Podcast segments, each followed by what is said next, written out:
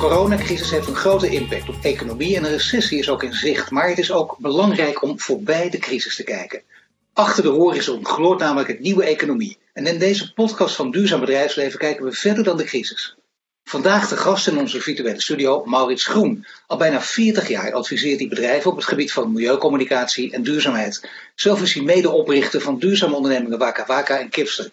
Maurits, welkom. Dankjewel. Goedemiddag. Nou ja, belangrijk om te beginnen. Het is echt een persoonlijk verhaal, want corona zeggen we op een gegeven moment over de hele wereld bijna allemaal geen rangen en standen. Iedereen kent wel iemand met corona. En ik ook een paar. En ik ken er nu nog geen namen, de man met wie ik praat. Jij bent ook getroffen door het virus. Ja, en dat was geen aangename ervaring, kan ik je vertellen. Uh, eigenlijk al vrij snel in het begin van de uitbraak in Nederland, uh, rond, uh, ik weet niet meer precies, maar rond 8 maart of zo, werd ik ineens binnen een half uur van kerngezond echt doodziek. Om 39, 4 koorts en dergelijke. Um, en dat hele verhaal heeft een week of twee aangehouden. Uh, had ook een heel grillig verloop. Twee keer dat ik dacht van, nou, ik begin er bovenop te komen. En dan begon het hele feest weer van voren af aan. Ongeveer alle verschijnselen, behalve dat ik gelukkig niet echt dingen aan mijn longen had. Twee keer per ambulance afgevoerd naar het ziekenhuis. Maar ondanks alle onderzoeken die ze daar gedaan hebben, kwam het commentaar heel curieus. Ik val het een beetje knopt samen erop neer van, nou meneer, hartelijk gefeliciteerd. U heeft in het fikse corona, daar hebben we overtuigd. We gaan het niet testen, want we hebben helemaal geen testmateriaal. Maar uh, u gaat het overleven, want met uw longen is niks mis. Kijk maar op de monitor. Nou ja, en toen kon ik met de tram in huis. Heel bizar. Nou ja, dat, dat, dat, toe.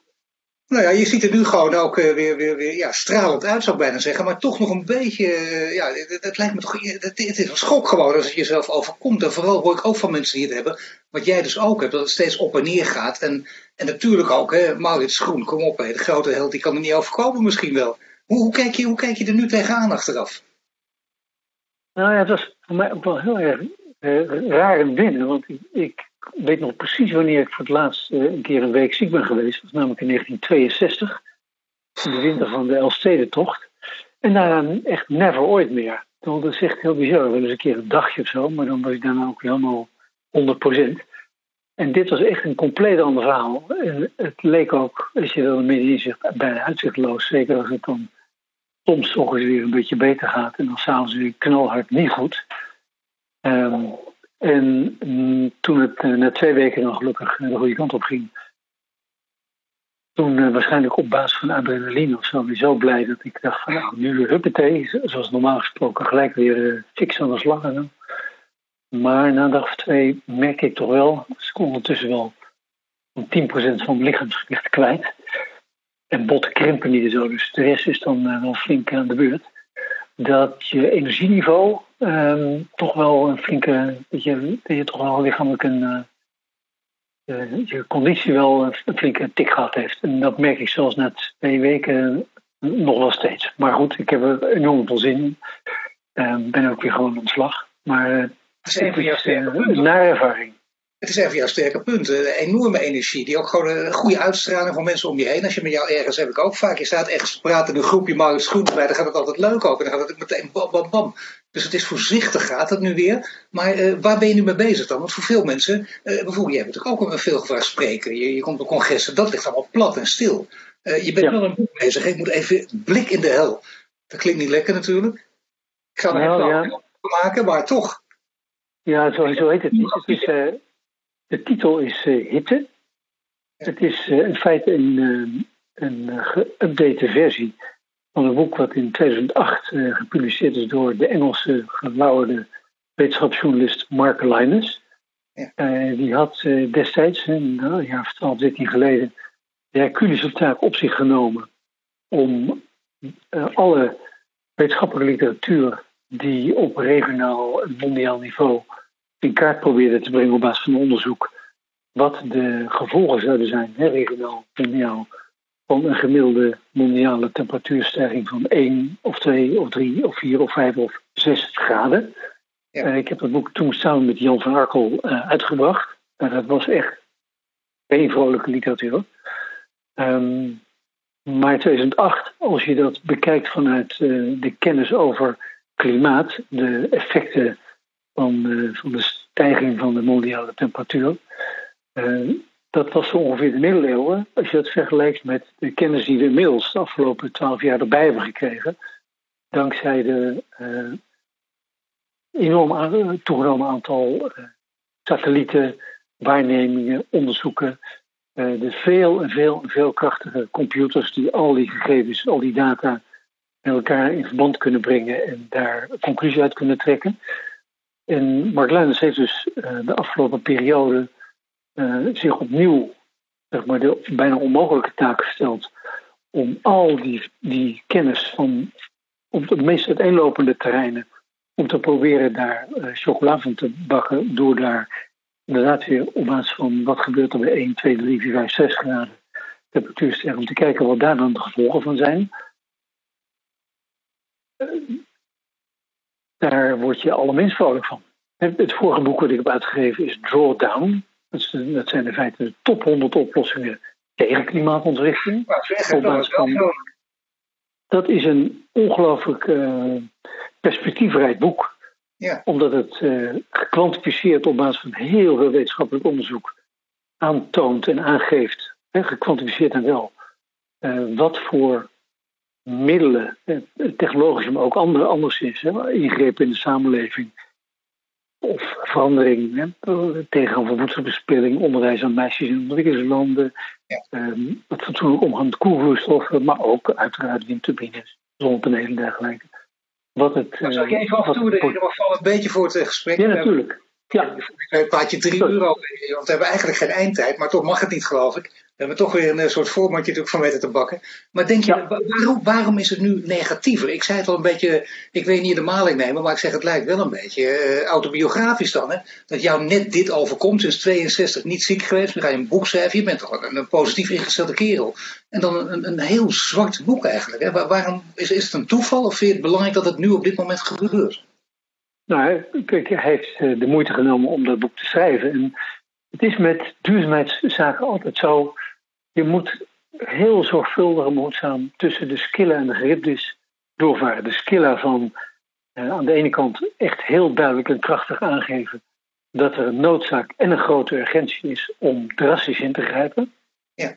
En aan de andere kant het aangeven dat de mogelijkheden daarvan ook aanwezig zijn. Dus dat drawdown, heel kort door de bocht, geeft gewoon aan met de huidige technologie tegen de huidige prijzen. En dus niet van welke technologie komt er nog aan, welke prijsdalingen erin verschieten als we het grootschalig gaan toepassen. Huidige technologie, huidige prijzen, dat het wel degelijk mogelijk is om zelfs financieel zeer rendabel problemen op te lossen.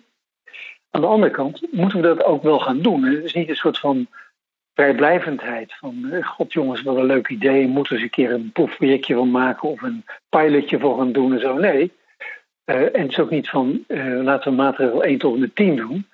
Alle 100 zijn nodig om het probleem op te lossen. En niet vandaag beginnen, maar gisteren, bij wijze van spreken. Ja, maar je, dus je moet gewoon aan de ene kant.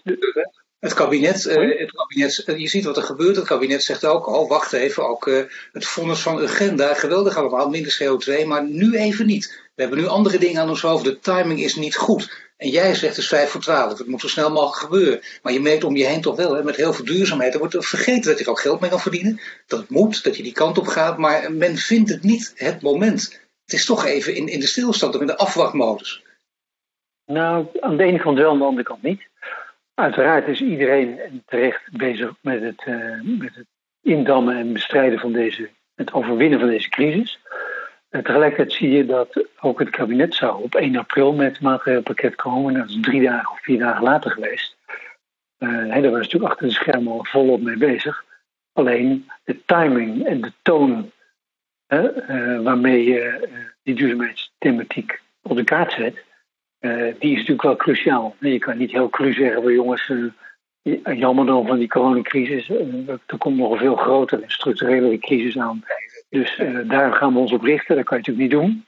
Aan de andere kant kun je natuurlijk wel degelijk, dat moet je ook, uh, deze crisis uh, ja, aangrijpen zou ik bijna zeggen. Dat is een gevaarlijk woord in dit geval. Maar um, om je, en dat doen, dat doen bijna veel mensen bijna van, vanzelfsprekend. En, en landen en bedrijven dat per definitie doen, om zich te herbezinnen op het hele model we de afgelopen decennia, het neoliberale model van just in time, uh, veel van de publieke sector naar de marktsector, uh, een enorme onderlinge verwevenheid en dus ook afhankelijkheid van hele lange en complexe toeleveringsstromen en dergelijke. Ik denk dat we daar ons wel degelijk op zullen gaan bezinnen. En dat de houdbaarheid, de duurzaamheid van het systeem als zodanig, dat dat, uh, dat, dat stevig ter discussie gaat komen te staan. En de kansen die dat biedt, ja. die moeten we natuurlijk benutten. Ik denk dat je daar gelijk hebt. Hè? Dat dat gewoon uh, mensen die dat nog niet zagen, die zien het nu wel. Maar goed, laten we zeggen het neoliberalisme.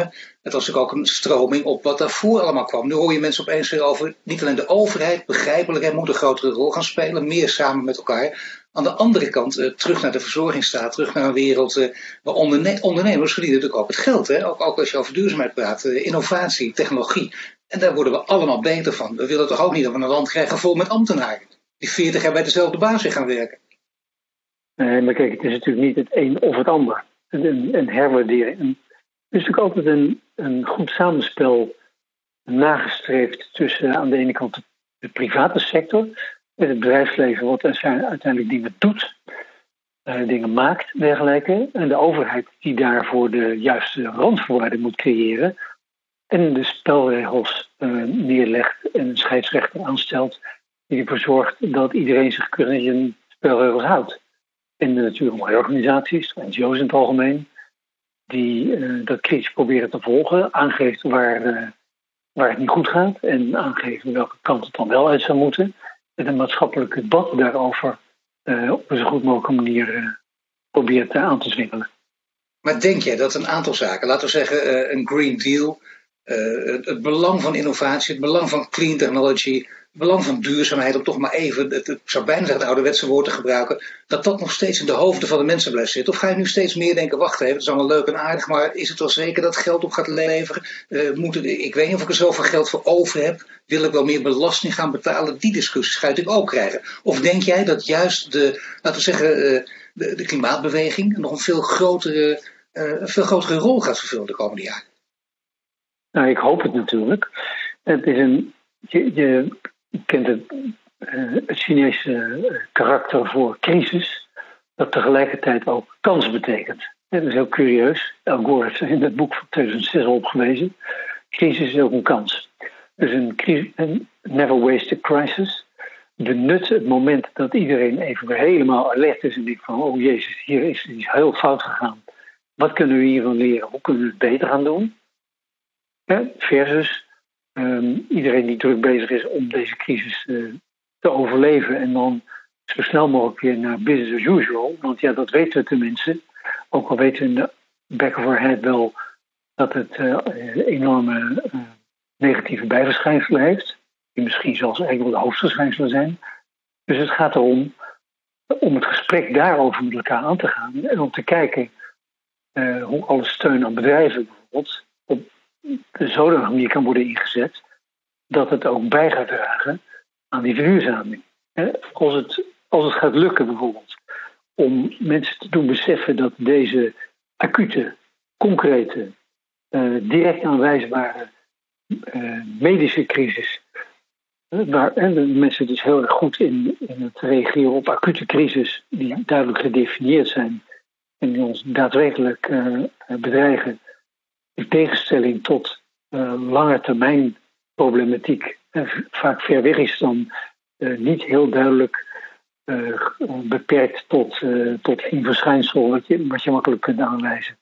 Met andere woorden, de gevolgen van klimaatontwrichting die zich op alle mogelijke manieren manifesteren en waar nooit een bordje dit is, wordt u aangeboden door klimaatontwrichting bijstaat. Um, en die bovendien een andere inrichting van de samenleving. En dat is, dat is nu met deze coronacrisis niet aan de hand. Hè. We moeten ons enorm aanpassen. En als ik even mag onderbreken, de inrichting van de samenleving, maar natuurlijk ook een, een, wat vaak vergeten wordt, ook een, een, een gewinste richting. Want uh, we, moeten ook met z'n allen uh, geld verdienen, dat willen we ook. En dat kan uitgerekend juist met, met, met innovatie en clean technology in dit hele verhaal. Dat zou er fantastisch zijn. Maar dan nog, er is één dingetje. En dat merk je in deze tijd ook Bill Gates is niet de enige die het al voorspelde. Er zijn anderen die zeggen, er, kunnen, er kan weer zo'n pandemie komen. Dat hebben we toen helemaal onderschat, het kan weer komen. En ja, zoveel geld hebben we ook niet. We zullen keuzes moeten maken, prioriteiten. En je wilt toch hoe dan ook dat het niet ten koste gaat van, van die, hele acute situatie uh, rond het klimaat. Wat, wat, wat, wat, moet je voor stappen zetten om, om die urgentie nog te laten merken? Ja, nou, dat is een, dat is een hele brede vraag. Ik denk dat, dat we. Nou, hele concrete. Wat voor stappen? Noem eens twee of drie stappen die je kunt zetten dan. Want er is een keuze. Ik, ik, stel, je, ik ben nu politicus en uh, ik, ik, ben een beetje, ik, kijk een beetje wat de mensen willen. En de mensen denken, ja wacht even, het gaat met de economie slecht, doen we mij beter. Ik ga geen cent meer betalen, dat klimaat, dat geloof ik al even, op andere dingen in mijn hoofd. En mensen denken ook, uh, wacht even, zo'n pandemie, dat is misschien wel een groter gevaar. Dus wat voor stappen moet je dan zetten? Wat zou je moeten doen om te zorgen dat je toch jouw verhaal, jouw klimaatverhaal op nummer één houdt?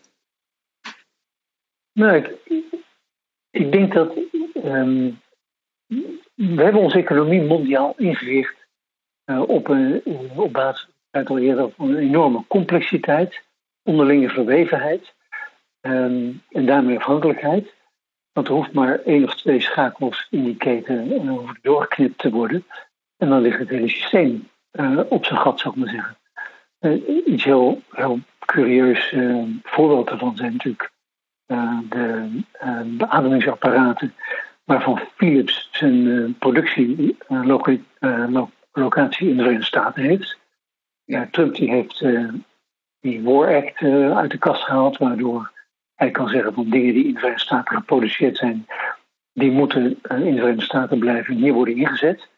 Dat kan hij natuurlijk doen, dat heeft hij ook gezegd dat hij gaat doen. Maar eh, zonder dat de alle mogelijke onderdelen en grondstoffen uit alle mogelijke andere landen naar de Verenigde Staten, naar die fabriek van Philips naartoe gaat, wordt er helemaal niks geproduceerd. Dus om die reden al kan hij dat gewoon helemaal niet waarmaken. Dat is in dit geval een, een onverwacht positief neveneffect van die internationale verwevenheid.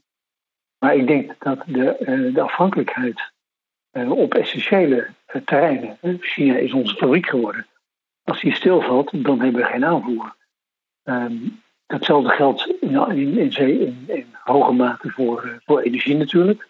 We hebben ons natuurlijk decennia lang, en ik heb me altijd hard vastgehouden hoe lang dat goed zou gaan. En het is gewoon ongelooflijk lang tot nu toe aan goed gegaan dat die supply lines dat die niet door wat voor oorzaak ook uh, door, enorm doorbroken zouden worden. En dan niet een, een, weekje of een maandje, maar gewoon echt heel erg lang. Waardoor we, uh, wat onze energievoorziening betreft, we hebben niet voor niks altijd over energiecentrales.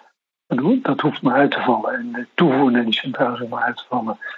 En de hele samenleving die, die zit op slot. Ik denk dat we die afhankelijkheid gewoon voor een belangrijk deel zullen moeten gaan verminderen. Maar ik denk dat dit ook, dit is natuurlijk, deze analyse begrijp ik ook. Hè. Dan proberen we even een paar stappen verder te zetten. Maar wat is dan, eh, laten we zeggen, gewenst leiderschap? Want daar draait het toch altijd om. Met wie je ook spreekt. En hebben het over leiderschap. En dat, dat, dat is een groot begrip. Maar probeer dat eens een, een, een, gewoon een goede naam te geven. Een goede definitie en goede voorbeelden. Wat voor leiderschap is nou gewenst om duurzaamheid op de eerste plaats te houden?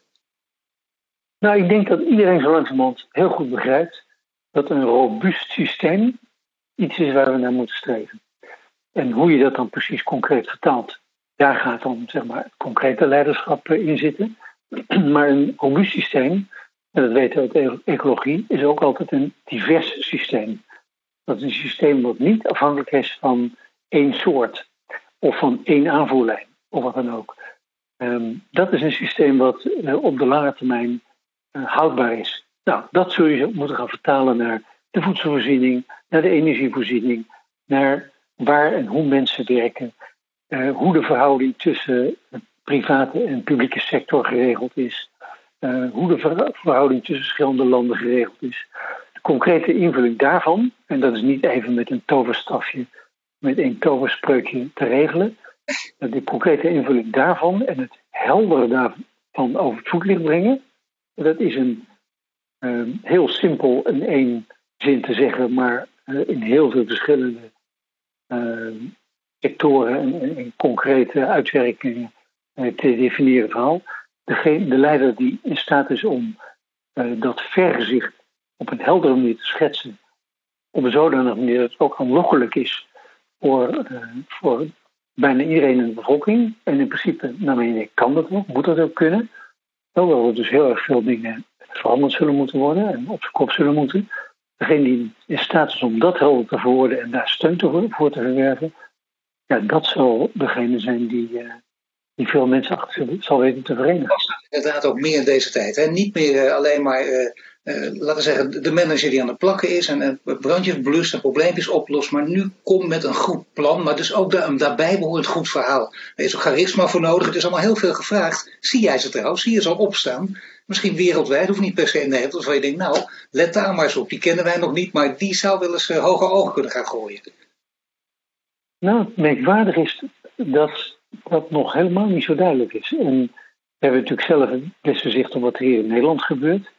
Ik vind het een hele uh, opmerkelijke uh, ontwikkeling is dat uh, Rutte zich nu ineens van degene die bij visie vooral aan, een, aan, de, aan de brillenwinkel dacht, um, dat die nu degene is die het, het roer echt stevig in handen heeft, die ook heel expliciet um, de rol van de wetenschap, van deskundigen, ja. uh, waardeert en neerzet, daarachter gaat staan, zonder zich erachter te verschuilen. Wil die gewoon ook geen zoete broodjes bakken en zegt: jongens, sorry, we hebben een crisis, we weten maar 50%, we moeten 100% handelen. Misschien maken we een fout, zullen we dan alle openheid toegeven. Maar we moeten gewoon roeien met de riemen die we hebben. Het zijn lang niet de ideale riemen, maar deze kant gaat het nu op. Ik hoop dat hij datzelfde leiderschap uh, gaat, gaat doortrekken en gaat gebruiken om de hele samenleving uh, bestand te maken tegen, Heel mooi tegen crisis.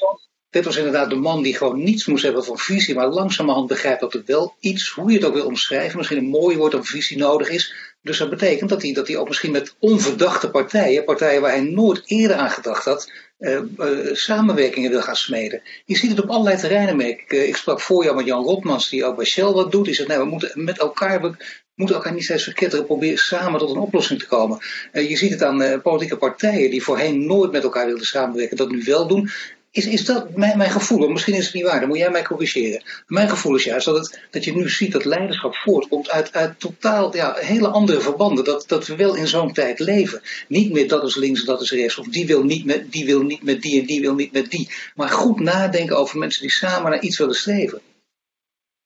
Ik denk dat dat zo is, ja. Uh, wat dat betreft, uh, dat crisis is kans. Uh, dat geldt daar zeker voor. mensen worden genoopt uit hun schuttersputjes te komen. Uh, echt weer even helemaal fris na te denken, want dit is iets waar, waar niemand ooit eerder mee uh, geconfronteerd is geweest. En uh, ja, gewoon genoopt is om na te denken van ja, waar gaat het nu eigenlijk over? Wat, wat zijn nu de wezenlijke dingen? En ehm, wat, waar liggen de overeenkomsten zodat datgene wat we willen bereiken en wat we ophouden met haarkloverij, dan moeten we echt een serieus probleem oplossen. Want, uh... krachtig zijn. Bedoel, jij bent ook nu opgestaan uh, uit, na, na een zware ziekte. Als je heel lang niet ziek bent geweest, schrik je te pleuren, als ik het even plat mag zeggen. En dan opeens, verschrikkelijk gaat op en neer. Je bent, je bent weer terug. Je bent in vol kracht om iets te gaan doen. En je hebt vaker in je leven bewezen dat je die veerkracht hebt. Uh, en, en, gezien hoe belangrijk ondernemerschap ook in, in op dit gebied is waar jij je begeeft. Ik zal maar zeggen, de wereld van de duurzaamheid.